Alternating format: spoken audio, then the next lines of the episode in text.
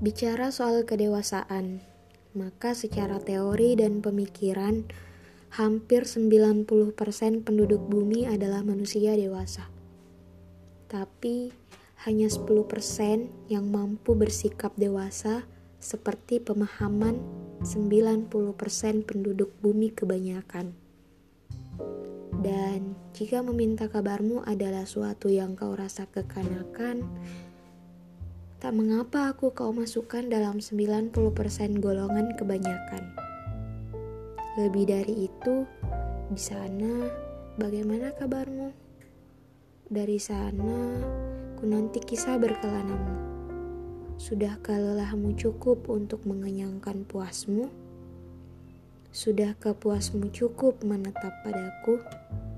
Menetap dan menjadikanku rumahmu rumah dari pencarian panjangmu.